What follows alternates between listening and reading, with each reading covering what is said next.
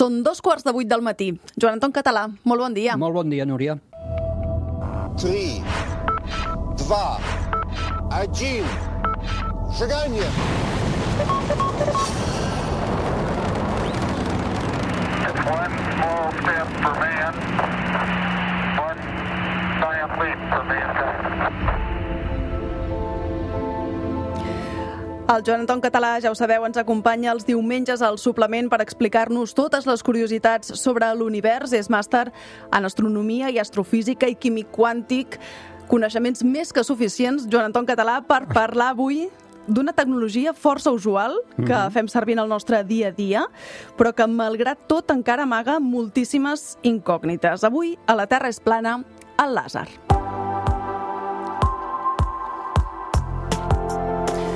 D'entrada, Joan Anton, quan parlem d'un làser, a mi em ve al cap Què? el típic punter Ah, làser. Perfecte. És això? És un tipus, sí. És molt poc eh, energètic. Després veurem que n'hi ha molt més perillosos que aquest que et ve al cap, eh? De Però seguida sí. entrem amb tots els usos que pot tenir el làser, però anem a pams. Exactament, a què ens estem referint quan parlem d'un làser? Molt bé, el nom. Primer expliquem el nom, que és un acrònim de l'anglès, que és Light Amplification by Stimulated Emissions of Radiation, que això, que és molt complicat, Molt vol dir, complicat. sí, però fixa't, ara ho traduirem al cristiano, amplificació de llum a través de l'emissió estimulada de radiació, continua fent por, eh, Núria, aquesta El tema definició. radiació sempre fa por, eh? Sí, i el d'amplificació També, també. no? I, però ara veurem que és més simple que tot això, però hi ha aquí una paraula de la definició que és molt important, bueno, n'hi ha totes, són importants, però que és estimulada, perquè veurem que una de les claus del làser és un efecte d'estimulació que hi ha perquè la llum es multipliqui d'una manera tremenda. Molt bé. Quan es va inventar el làser? Quan ens hem de remuntar? Al 1960 i ho va fer un, un científic que es diu que es deia Theodore H. Meinman, que era físic i enginyer americà, quan treballava al Hughes Research Laboratories i va emprar un làser de rubí, que després en, en parlarem, eh, que se li aplicava molta energia i en el mecanisme que explicarem després, miralls, etc., doncs va, va generar el primer làser de la història.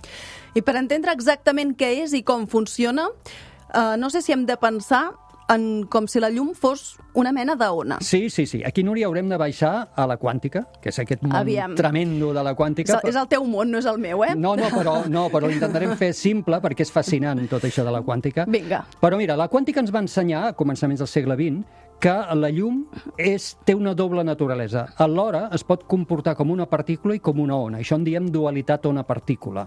Uh, I, de fet, quan estudiem la llum, això, veiem que té comportaments com si fos una partícula, és una partícula, però alhora com si fos una ona. Ara, aquí ens interessa estudiar-lo com si fos una ona per entendre com funciona el làser.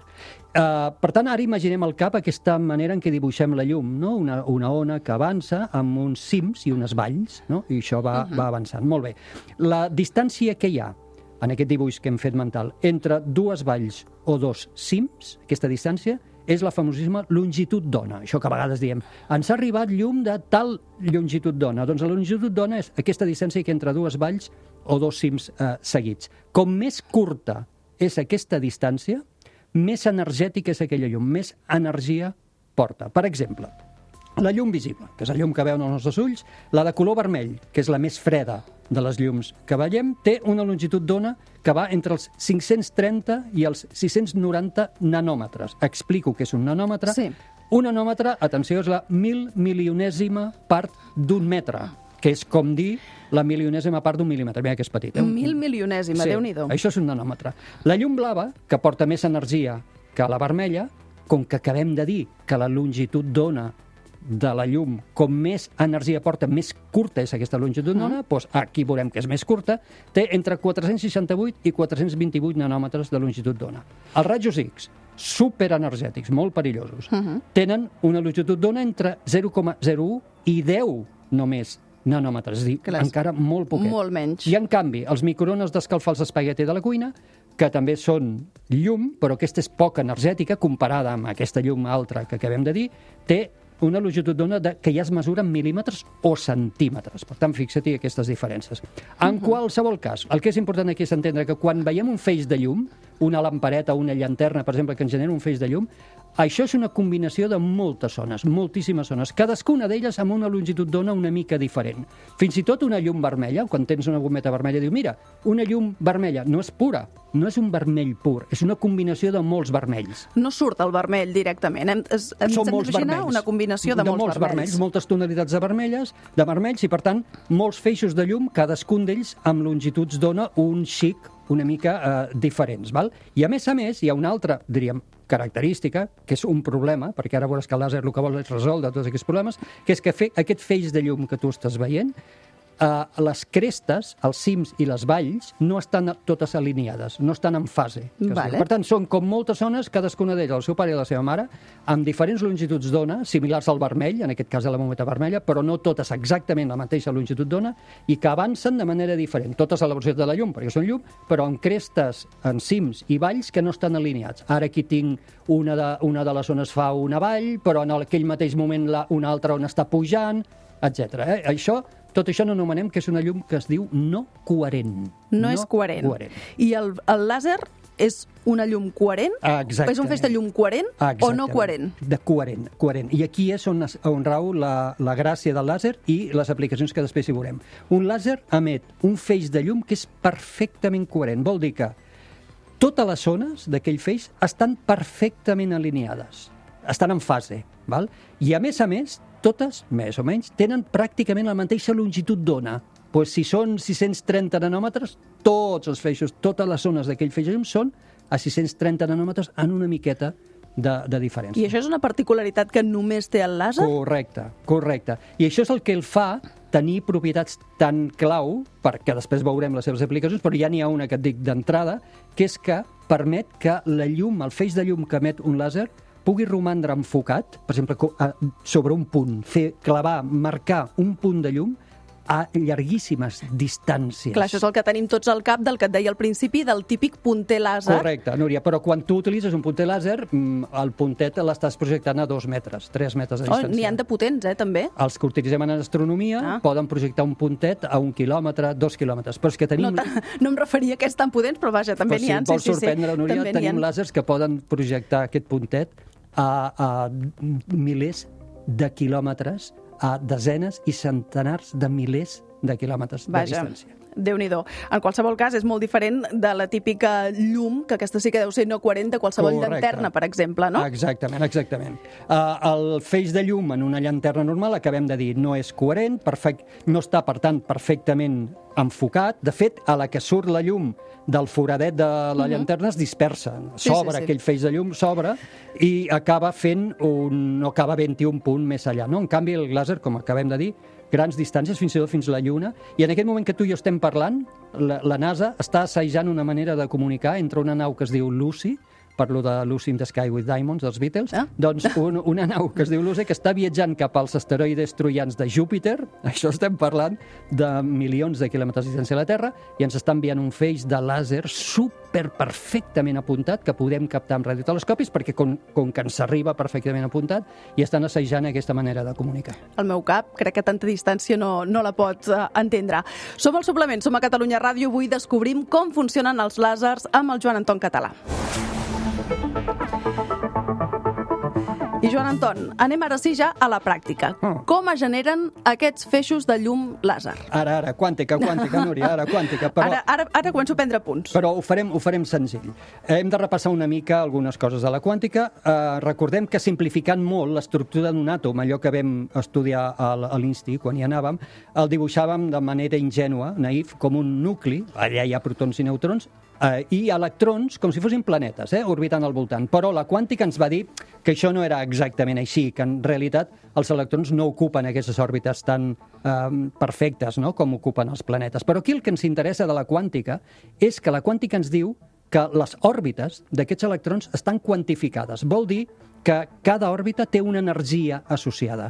No hi ha energies entremig. Entre l'òrbita 1 i l'òrbita 2 no hi ha una òrbita 1 i mig, no hi ha una òrbita 0,75. No hi ha... És a dir, les eh, òrbites, les energies estan perfectament quantificades. Ha de ser la 1, la 2, la 3... De manera que si nosaltres apliquem energia amb un electró, que hi ha en un àtom, el podem fer saltar, pot agafar, pot robar part d'aquesta energia i saltar a l'òrbita següent però farà salts quàntics, per això en diem quàntiques. Farà salts que són discrets, no poden ser continus, no pot anar al mig d'una òrbita a una altra, ha d'anar o a la primera, o a la segona, o a la tercera. Vale? Uh, suposem que ja hem fet saltar un electró, li hem aplicat energia i hem fet saltar un electró a un estat que anomenem excitat, vol dir a una òrbita superior a la que ell normalment tindria si estés en repòs. No?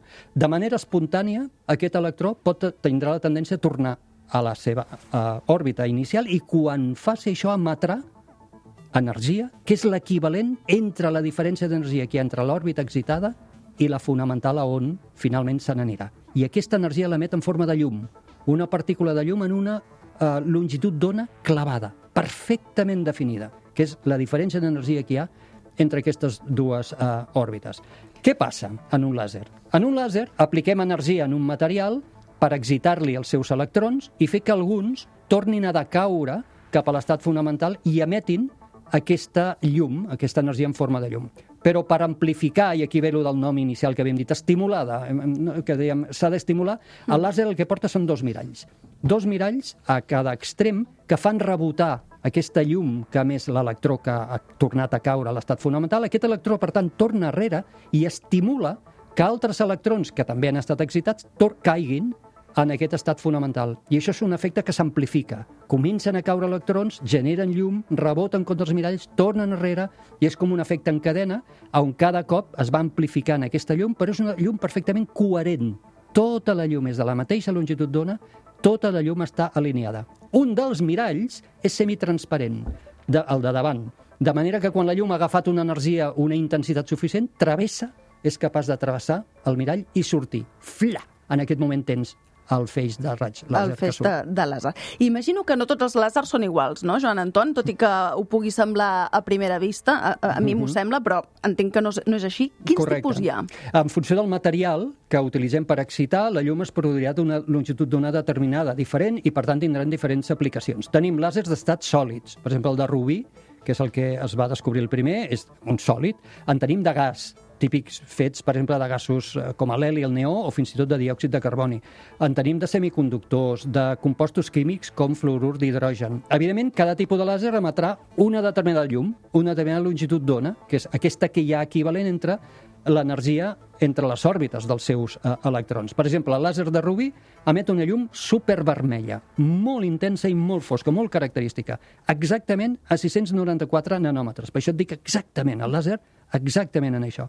El de diòxid de carboni emet a, a 10.000 nanòmetres a la part de l'infraroig. Això el fa molt útil, però també molt perillós, perquè a l'infraroig és un tipus d'energia que quan toca les molècules, per exemple, de la teva pell, per això ens hem de protegir, quan toca a, a, la, a qualsevol molècula, els hi transmet moviment, fa que vibrin, i això és escalfor. Directament això es transforma en escalfor. El, el làser, per exemple, de diòxid de carboni, permet tallar metalls tallar-los d'una manera molt, molt, molt, molt, molt fina.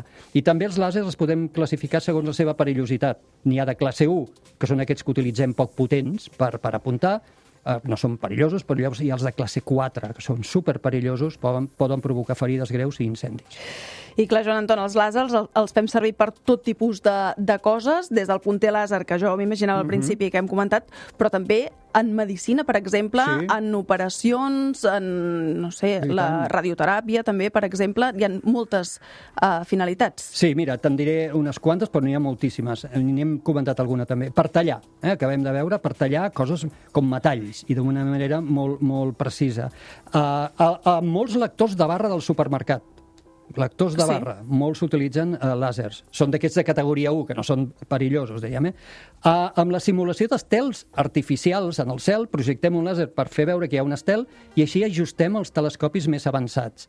En comunicacions interplanetàries, ara t'explicava, doncs el nau Lucy en aquest moment doncs, està parlant amb nosaltres, hola mama, com estàs? I ho està fent amb un làser, Amb làser. no? Per mesurar distàncies molt llargues com d'aquí a la Lluna. Enviem làser a la Lluna que reboten, atenció, Núria, reboten contra els miralls que van a deixar les tripulacions dels Apolo, si hem anat a la Lluna, perquè tenim els miralls allà, sabem on són, enviem un raig làser que rebota, torna, i així calculem exactament el mil·límetre. És que tot això em sembla Com varia la tan, tan distància. interessant com, com poc ho puc entendre. Em sembla molt complicat. És, és complicat, però ho estem emprant. Però- Mira, sí, medicina, ho deia, cirurgies oculars, eh, com a bisturí, per tallar També, per tallar. els dispositius apuntadors que tu has utilitzat i que dèiem, com a llum decorativa en festivals, discoteques, això et sona més, no? I Això també em sona.